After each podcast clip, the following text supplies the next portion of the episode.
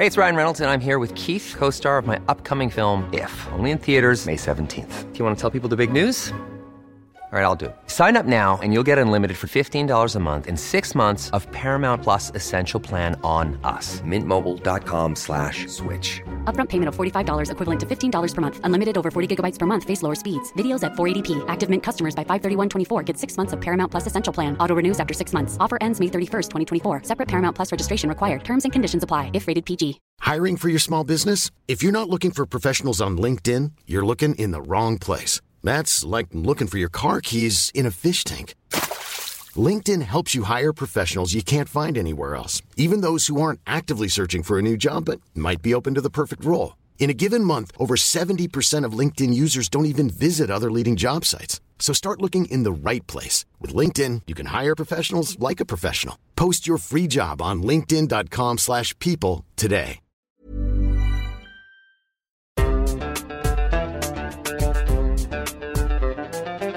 بودكاست صوت.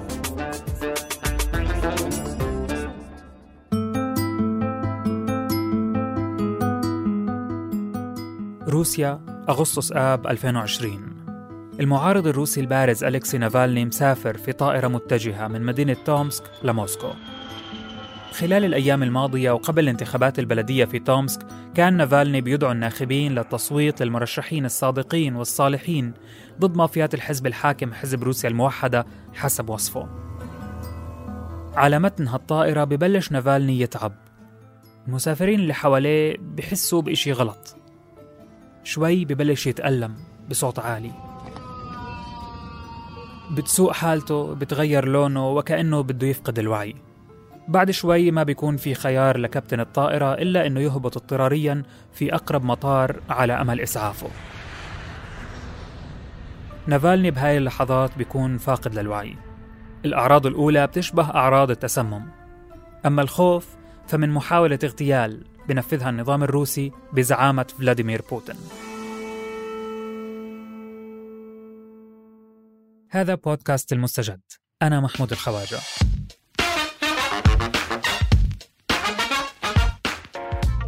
واليوم نحكي عن أليكسي نافالني أبرز المعارضين الروس وعن التظاهرات اللي وصلت ذروتها مع بداية العام في روسيا. في حلقة اليوم نافالني ضد بوتين.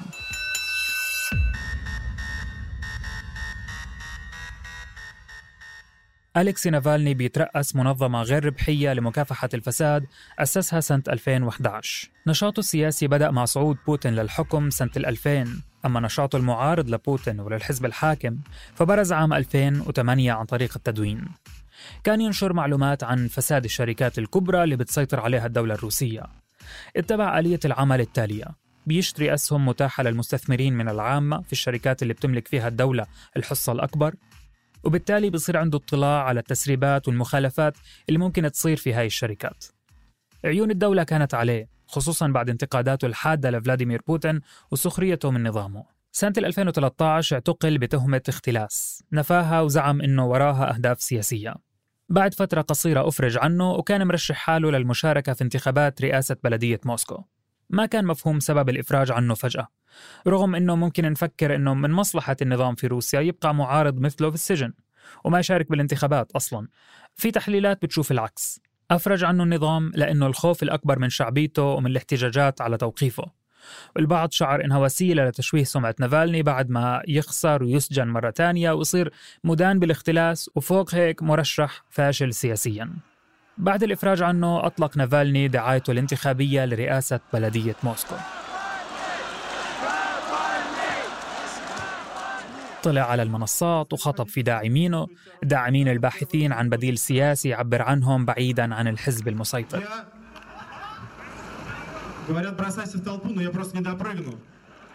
نتائج رئاسة بلدية موسكو كانت مفاجئة في هذيك السنة.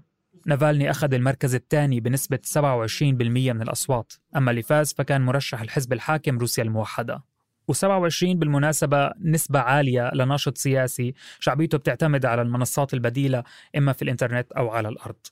بعد سنوات قليلة وقبل الانتخابات الرئاسية الأخيرة أعلن نافالني نيته بالترشح للرئاسة رئاسة روسيا.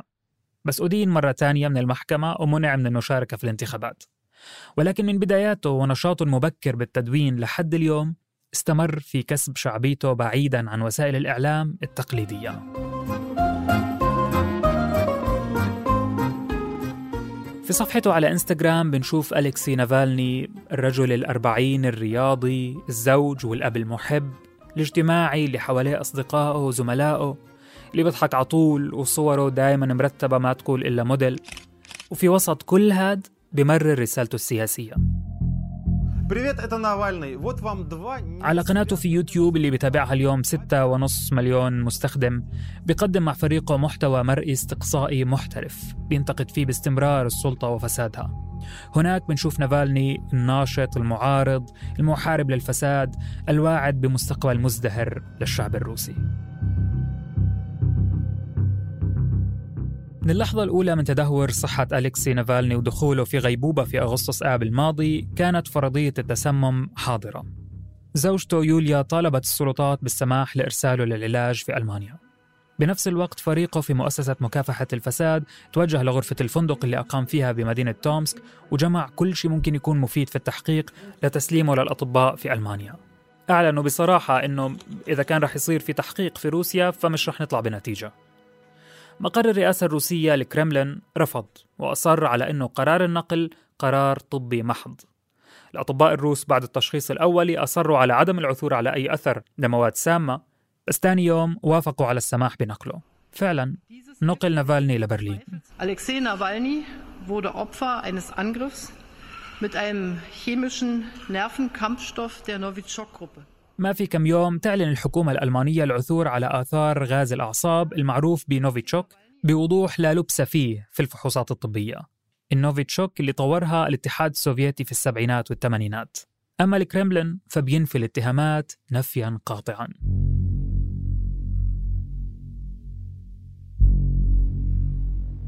بعد 18 يوم في الغيبوبة بيصحى نافالني. وزنه نازل جسمه هزيل وبيحتاج رعاية وإعادة تأهيل. بس بالتزامن مع هاي القضية اللي بتتصدر عناوين الأخبار تشهد روسيا احتجاجات واسعة على قضايا أخرى. في 2020 أعلن الرئيس الروسي فلاديمير بوتين عن تعديلات دستورية جديدة مطروحة للاستفتاء الشعبي. إلى جانب البنود الاجتماعية المحافظة والاقتصادية كان في بند بيعطي بوتين المجال يترشح لدورتين رئاسيتين قادمتين. كل واحدة بتمتد لست سنوات مع تصفير الدورات السابقة يعني ولا كأنهم كانوا. وهذا بيعني إمكانية بقاء بوتين في الحكم لسنة 2036 على أقصى تقدير. بوتين اللي صار له بالسلطة من سنة 2000 مرة كرئيس ومرة كرئيس وزراء.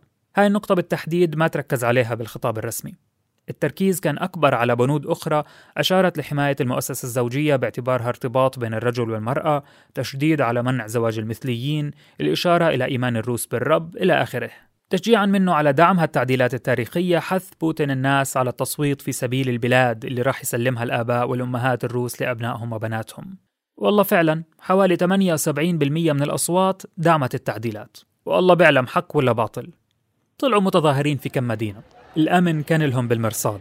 ما هديت الأمور في المنطقة الغربية في موسكو وسانت بطرسبرغ إلا هي مولعة في المنطقة الشرقية.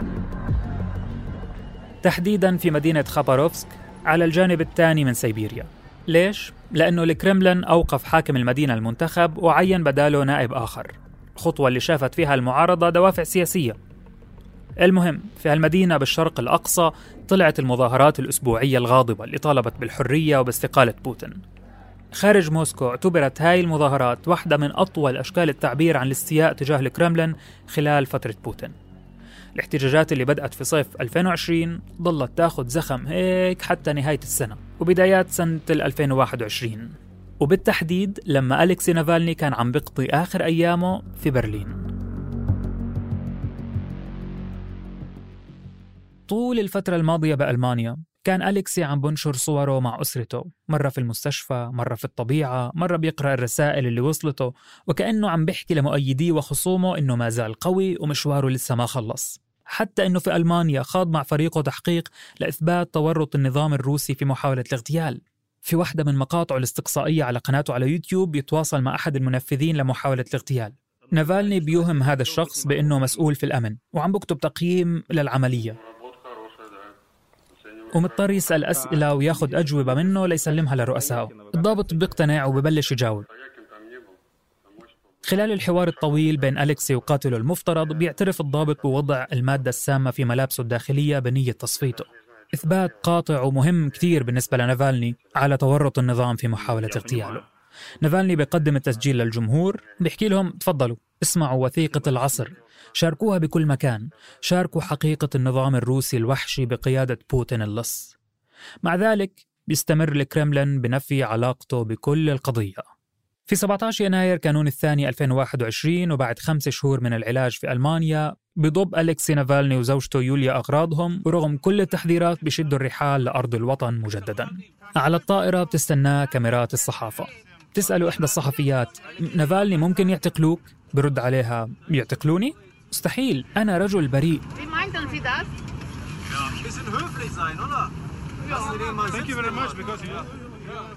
طيب بتطير الطيارة على أساس تهبط في أحد مطارات موسكو اللي بيتجمع فيها المئات من أنصار نافالني. وإذ بالكابتن بيعلن إنه يا جماعة لأسباب فنية راح نهبط بمطار آخر. بيكون واضح للجميع إنه الموضوع مش صدفة أبدا. وفي هالمطار الآخر ما غيره الشرطة الروسية بتنتظر المعارض السياسي اللي يبدو راجع أقوى من قبل. تمام تمام. في مشكلة عنا هون. يمكن أليكسي ومناصريه توقعوها ويمكن لا. المبرر القانوني لاعتقاله كان انتهاكه لشروط الإفراج عنه في قضية ضده بترجع لسنة 2014 قضية اختلاس بتلاحقه صار لها تقريبا سبع سنوات. وبناء عليها كان محكوم بعقوبة بالسجن مع وقف التنفيذ. وقتها كان أحد شروط الإفراج عنه إنه ما يسافر برا البلاد. كام الله يسامحه سافر على ألمانيا لما فات بغيبوبة. قال لهم يا جماعة كنت في غيبوبة ورجعت لوعيي. وأرسلت لكم وثيقة بتوضح مكان وجودي. شو ممكن أعمل أكثر من هيك؟ قالوا لا بدون نقاش. وانحكم عليه بالسجن ثلاث سنوات ونص في بداية شهر فبراير شباط أما في الشارع فكان غضب الناس بيزيد أكثر وأكثر. لعدة أسباب أهمها احتجاجا على اعتقاله طلعت المظاهرات في أكثر من 65 مدينة روسية من الشرق للغرب. ومن بعد الحكم عليه طلعت موجة تانية من المظاهرات تلبية لدعواته من داخل السجن. مظاهرات بتقمعها قوى الأمن وبتعتقل منها آلاف المتظاهرين. مؤسسة مكافحة الفساد بهذا الوقت بتكون محضرة مفاجأة. تحقيق استقصائي مصور اشتغل عليه نافالني مسبقا بيتهم بوتين بصرف أكثر من مليار دولار بطريقة غير شرعية لبناء قصر باذخ على سواحل البحر الأسود. بطبيعة الحال الكرملين بيرجع وبينفي كل الاتهامات.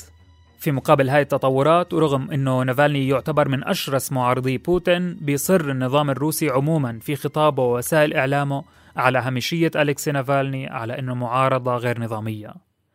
الدولة بتعترف أنه مراقب من أجهزتها لأنه متعاون مع دول أجنبية ومراقبته مبررة. أما إنها تتورط في تسميمه وتصفيته فلا وألف لا. ما زالت بتلعب دور المترفع عن هاي الأساليب. رغم الاتهامات اللي توجهت لنظام بوتين طول العشرين سنة الماضية بتصفية معارضيه في الوطن والمنفى من الأخيار والأشرار. طيب الخلاصة. هل إحنا بنحكي عن مناضل عم بدفع أثمان في سبيل كشف الفساد والإصلاح والديمقراطية؟ الواضح إنه نعم شخص بيتعرض للملاحقات والمؤامرات ومحاولات الاغتيال هو أكيد شخص عم بدفع ثمن معين. بس هاد ما بمنع الأصوات اللي بتذكرنا بماضيه القريب بمواقفه العنصرية والمعادية للمهاجرين من جمهوريات آسيا الوسطى الداعية لترحيلهم والمدافع عن القومية الروسية.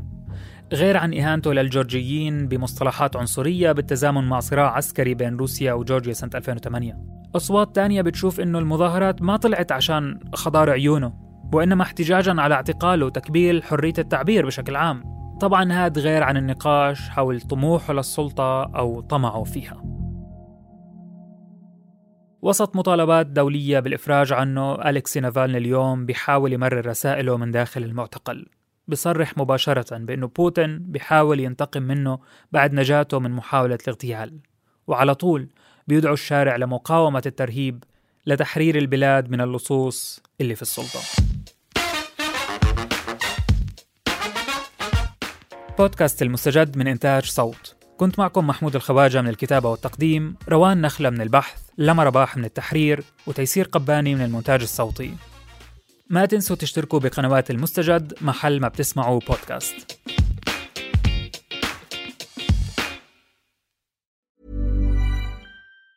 Planning for your next trip? Elevate your travel style with Quince. Quince has all the jet setting essentials you'll want for your next getaway, like European linen, premium luggage options, buttery soft Italian leather bags, and so much more. And it's all priced at 50 to 80% less than similar brands. Plus, Quince only works with factories that use safe and ethical manufacturing practices. Pack your bags with high-quality essentials you'll be wearing for vacations to come with Quince. Go to quince.com slash trip for free shipping and 365-day returns.